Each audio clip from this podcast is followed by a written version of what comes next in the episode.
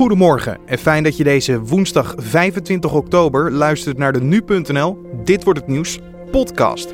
Mijn naam is Carne van der Brink en ik zal je in een klein kwartier bijpraten over het nieuws van nu, de zaken die verder deze dag te gebeuren staan en we hebben een mediaoverzicht voor je vandaag. Zometeen aandacht voor VR, want leeft het nog? En vieren we de dag van de fly. Maar eerst het belangrijkste nieuws van dit moment. De Verenigde Staten gaat weer vluchtelingen toelaten, maar er komen verscherpte toelating-eisen voor migranten uit elf landen. Dat blijkt uit een wet die de Amerikaanse president Donald Trump dinsdag heeft uitgevaardigd. Volgens bronnen gelden de strengere eisen voor vluchtelingen uit Egypte, Irak, Iran, Libië, Mali, Noord-Korea, Somalië, Zuid-Soedan, Soedan, Syrië en Jemen. De opbrengsten van 3FM Series Request 2016 kan het Rode Kruis zo'n 175.000 mensen helpen. Onder hen zijn 80.000 kinderen onder de 5 jaar. Dit maakte 3FM-DJ Domien Verschuren dinsdagavond bekend bij RTL Late Night. Een van deze klinieken is postuum opgedragen aan Tijn Kolsteren. Het doodzieke jongetje veroverde vorig jaar de harten van heel Nederland met zijn nagellakactie. Het aantal taxibedrijven is de afgelopen 10 jaar gegroeid van bijna 5000 tot 9000. Bijna een verdubbeling.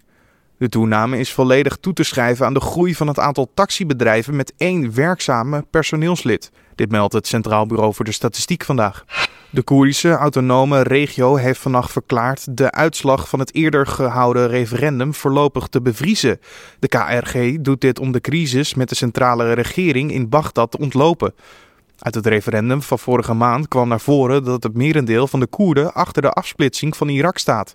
Tot ongenoegen van de Irakese regering. En dan kijken we naar wat het nieuws vandaag zal gaan brengen. Oftewel, dit wordt het nieuws. Vandaag begint in Amsterdam een driedaags evenement rond de VR-technologie. Het kan zijn dat je niet gelijk bij het woord VR al weet wat het inhoudt. Daarom vroegen wij onze nu-tech-redacteur Jeroen Kraan wat precies VR is en of dit nog wel toekomst heeft. Eh, VR staat voor uh, Virtual Reality, dus uh, virtuele realiteit. en dat houdt in dat je met een bril op je hoofd zit, daar zit een, een scherm in en hij meet je bewegingen. En je, ja, je waant je zo in een virtuele wereld. Het is een beetje alsof je in een videogame zit bijvoorbeeld. Hè? Dus je, je kijkt naar links en dan lijkt het alsof je dus in die virtuele wereld echt naar links kijkt. En uh, als jij kijkt naar nu de huidige status van deze technologie, hoe staan ze ervoor? Nou, uh, virtual reality bestaat al heel lang, er wordt al heel lang over nagedacht. Uh, echt al, nou ja, tientallen jaren. En het was altijd technisch gezien gewoon nog best wel slecht. En nu, eigenlijk in de afgelopen jaren, is een punt bereikt waar het wel werkt. dus er zijn brillen op de markt die je kan kopen, die goed werken. Ik bedoel, het is allemaal nog niet perfect. Hè? De resolutie is nog niet zo heel hoog. Dus je, ja, het is niet super mooi beeld nog altijd. En er zijn nog wat andere ja, dingen die nog wel beter kunnen. Maar in principe werkt het al, uh, werkt het al best wel goed.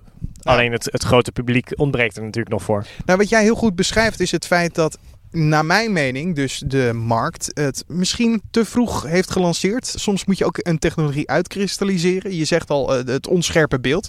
Merk jij dat ook? Of denk je van nou, deze stappen zijn wel nodig geweest? Ik denk zeker dat het nodig is geweest. En het, is ook nu uh, al wel, denk ik, goed genoeg voor een, een specifiek publiek, namelijk voor de gamesmarkt. Uh, is het best aantrekkelijke gadget, zeg maar. Je kan nu een, ja, voor je PC of voor je PlayStation van die brillen kopen. Kost nog wel redelijk veel geld. Ze zijn nu rond de 400 euro, 400, 500 euro. Um, maar ja, dan kan je, nou ja, voor, voor gamers die dat, die dat leuk vinden, is het al best wel goed genoeg. Is het niet dat, je, dat, het, dat het vervelend is om bijvoorbeeld om het lang te gebruiken. Wat, wat wel heel vaak zo is geweest in het verleden met virtual reality, is dat je er gewoon heel snel misselijk van werd. Ja, dat is nu wel opgelost, maar voordat virtual reality echt de massa gaat bereiken, uh, dat, dat, dan zijn we denk ik nog wel echt een aantal jaar verder. Dat, uh, dat gaat niet nu uh, van de een op de andere dag gebeuren. Nee, en als jij kijkt nu ook naar de technologie die er nu is, wat denk je dat de volgende stap dan is in deze VR-extravaganza? nou ja, de, de volgende stap. Je hebt natuurlijk gewoon puur de technologische verbetering. Maar eigenlijk om een groot publiek te bereiken, denk ik dat je niet zozeer moet kijken naar virtual reality, maar naar augmented reality. Dat is weer uh, de volgende stap een beetje wat eh, Google een tijdje geleden met Google Glass deed. Dus dat betekent dat je zeg maar nog wel de echte wereld ziet. Dus je hebt bijvoorbeeld met een bril die transparant is, maar waar dan beelden op worden getoond. Uh, dus ik denk, en ik denk dat dat heel erg in de toekomst, als dat, dat is nu technisch nog een stuk moeilijker, maar als dat goed uitgewerkt wordt, dat daar wel heel veel potentie ligt om ja, veel breder. Het is, met VR sluit je altijd helemaal af van de wereld, zeg maar. En met AR hoeft dat niet per se. Dus ik denk dat daar veel meer brede toepassingen voor liggen. De VR-days zijn voor bezoekers toegankelijk. En voor kaarten moet je dan naar vrdays.co. Opgelet. Van het volgende kan misschien het water uit je mond lopen. Het is vandaag namelijk de eerste dag dat wij de Limburgse Fly kunnen vieren. Onder de noemer de Dag van de Fly. In Maastricht vieren ze dit met een speciale vlaai met punten van vijf bekende Maastrichtenaren. Wie deze vijf zijn en hoe ze op het idee kwamen om deze dag in het leven te roepen, dat vroegen wij eerder aan burgemeester Annemarie Pen ten Strake van Maastricht. Uh, ja, dat heeft niet de gemeente gedaan, maar dat heeft Maastricht Marketing gedaan. Die zijn ermee gekomen. Ze hebben vorig jaar een um, een plan uitgevoerd waarbij uh, vijf Maastrichtenaren met een beetje bekendheid een fly mochten uitzoeken. En de vervolg, het, dat heeft heel veel uh, positieve reacties opgeleverd. En het vervolg is nu door Maastricht Marketing uh, ingezet door deze dag van de fly te organiseren. Met daarbij wel een goed doel. Dat is belangrijk om erbij te zeggen. Um, en dat gaat, uh, de opbrengsten van de dag, die uh, komen ten goede aan uh, de Quiet Community. Dat is een project dat zich bezighoudt met de bestrijding van armoede. Dus het is, een, um, het is ook een goed doel en dat past heel erg bij onze sociale saamhorige stad. Ja, die er toch echt zijn een super lekkere achtergrond inderdaad. En ook nog eens een goede achtergrond. Wat betreft het goede doel.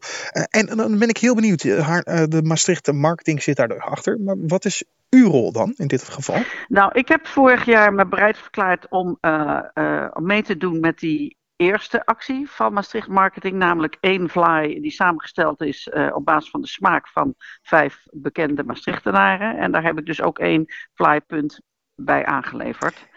En zo zit ik erin. Ja, en dan ben ik eigenlijk benieuwd, want de, de flypunten hebben toch allemaal eh, ook echt redelijk het keurmerk van de persoon zelf. Dus André Rieu volgens mij. Uh, André Rieu heeft een punt, uh, Tom Dumoulin heeft een punt, Cecile Narix heeft een punt, uh, Fabrizio heeft een punt en ik heb een punt. Ja, dat is eigenlijk een hele simpele vraag. Hoe smaakt u dan? Daar ben ik wel heel benieuwd naar. Ik heb uiteindelijk gekozen, want ik had eigenlijk eerst de, de smaak die André Rieu ook had. Dat is de kruisbessen met uh, schuim en slagroom. Die is ontzettend lekker, maar uiteindelijk heb ik toch gekozen voor de zwarte pruimenvlaai. Die, uh, die is echt heel, als je die in de, moet je vooral in de herfst eten. En dan moet het een beetje koud zijn buiten. En dan moet die vlaai nog een beetje warm zijn. En uh, een vuurtje en zo. En dan is dat, ja, water uh, loopt uit je mond. Het is natuurlijk een mooi iets om iets wat zo erg bij de omgeving en de streek en de plaats mm. hoort, om een beetje te eren op deze manier. Uh, nou, dat is ook zo. Kijk, wat wel leuk is om te vertellen, is die, die fly die is uh, ontstaan uh, heel lang geleden. En dat was eigenlijk um, een beetje arme luis voedsel. Want het was uh, een boterham met wat ingewekt. Kijk, fruit was er natuurlijk altijd wel, fruitbomen. En dat fruit werd ingewekt. En uh, als ze dan uh, een beetje feest hadden, dan kreeg je een, boterham met ingewekt fruit erop. En zo is de fly, uh, die is zich gaan doorontwikkelen. En er zijn verschillende innovaties overheen gegaan. Zoals ook over onze stad. En nu hebben we een doorontwikkeling kunnen we zien van de fly. Die echt tot grote hoogte is gekomen. En het is een product, ja, is gewoon een goed product. En uh, niet alleen maar van, oh wat leuk, het is Limburgse fly. Maar het is gewoon een hartstikke goed product. Als de Macron in Parijs of, uh, nou, bedenk maar wat. Je de burgemeester van Maastricht, Annemarie Pente Straken. En dit gebeurt er verder vandaag nog. De Raad van State doet vandaag uitspraak over het verzoek van de NOS, de Volkskrant en RTL Nieuws. Hun verzoek was aan de minister van Veiligheid en Justitie. Met het doel om informatie openbaar te maken over de afwikkeling van de vliegramp met vlucht MH17. Verslagen van overleggen van die ministeriële commissies zijn tot nu toe geheim gehouden. Volgens het ministerie zou openbaarmaking het vertrouwelijk overleg tussen ministers en de relatie met andere landen kunnen schaden. Koning Willem-Alexander en minister-president Rutte ontvangen vandaag het Nederlandse vrouwenvoetbalteam. Te ere van het behalen van het Europese kampioenschap. Nog meer goed nieuws. Gisteravond wonnen de vrouwen namelijk ook nog een WK-kwalificatieduel tegen Noorwegen. Dit deden zij met 0-1. En dan kijken we waar andere media vandaag over gaan schrijven. Bij een spoedrit moet 95% van de ambulances binnen een kwartier ter plaatse zijn. Maar vorig jaar haalden 41.000 ambulances dat niet. Dat zijn er 1500 meer dan in 2015. Dat meldt het AD. Slechts de ambulancediensten van Twente, Kennemerland en Zuid-Limburg wisten te voldoen aan de norm. Volgens de vakbond FNV zijn de slechte cijfers te wijten aan een structureel personeelstekort. De Stichting Maatschappij en Veiligheid vindt dat zelf vuurwerk afsteken tijdens de jaarwisseling verboden moet worden. Dat staat in de Telegraaf. De SMV vindt dat er centrale plekken moeten komen waarop tijdens oud en nieuw door professionals vuurwerk mag worden afgestoken. De vuurwerkbranche verzet zich sterk tegen het voornemen van de stichting. Een werkgroep binnen het Europese parlement maakt zich sterk voor het afschaffen van de zomer- en wintertijd. Volgens een studie die vandaag wordt gepresenteerd zitten er alleen maar nadelen aan het vooruit of terugzetten van de klok, schrijft het AD. Vorig jaar drong het parlement ook al bij de Europese Commissie aan op afschaffing van de zomer- en wintertijd. Maar dat verzoek werd toen afgewezen. De roep om het hele jaar door dezelfde tijd te hanteren klinkt echter steeds sterker. En dan kijken we nog even naar het weer van vandaag. Vandaag is het afhankelijk grijs met soms lichte regen. Later breekt in het noorden de zon soms door. Het wordt opnieuw 15 tot 17 graden. En dan nog dit. De chocoladeletter heeft er misschien een concurrent bij. Wie tijdens het Sinterklaasfeest geen trek heeft in chocolade, kan namelijk nu ook zijn tanden zetten in een kaasletter. Lekkernij wordt de laatste jaren steeds vaker verkocht, meldt het AD. Een Zeelse kaasboer die de letters verkoopt, noemt het een gezond alternatief van de chocoladeletter. En wij zijn benieuwd, zou jij eerder een chocoladeletter kiezen of zou je toch neigen naar een lekkere nou, kaasletter? Dit was dan de Dit wordt het nieuws podcast voor deze woensdag 25 oktober. De Dit wordt het nieuws podcast is elke maandag tot en met vrijdag te vinden op nu.nl om 6 uur ochtends. Op iTunes of SoundCloud kan je een recensie achterlaten. Daardoor help je ons verder met de ontwikkeling van deze podcast, want wij staan altijd open voor feedback. Tot morgenochtend.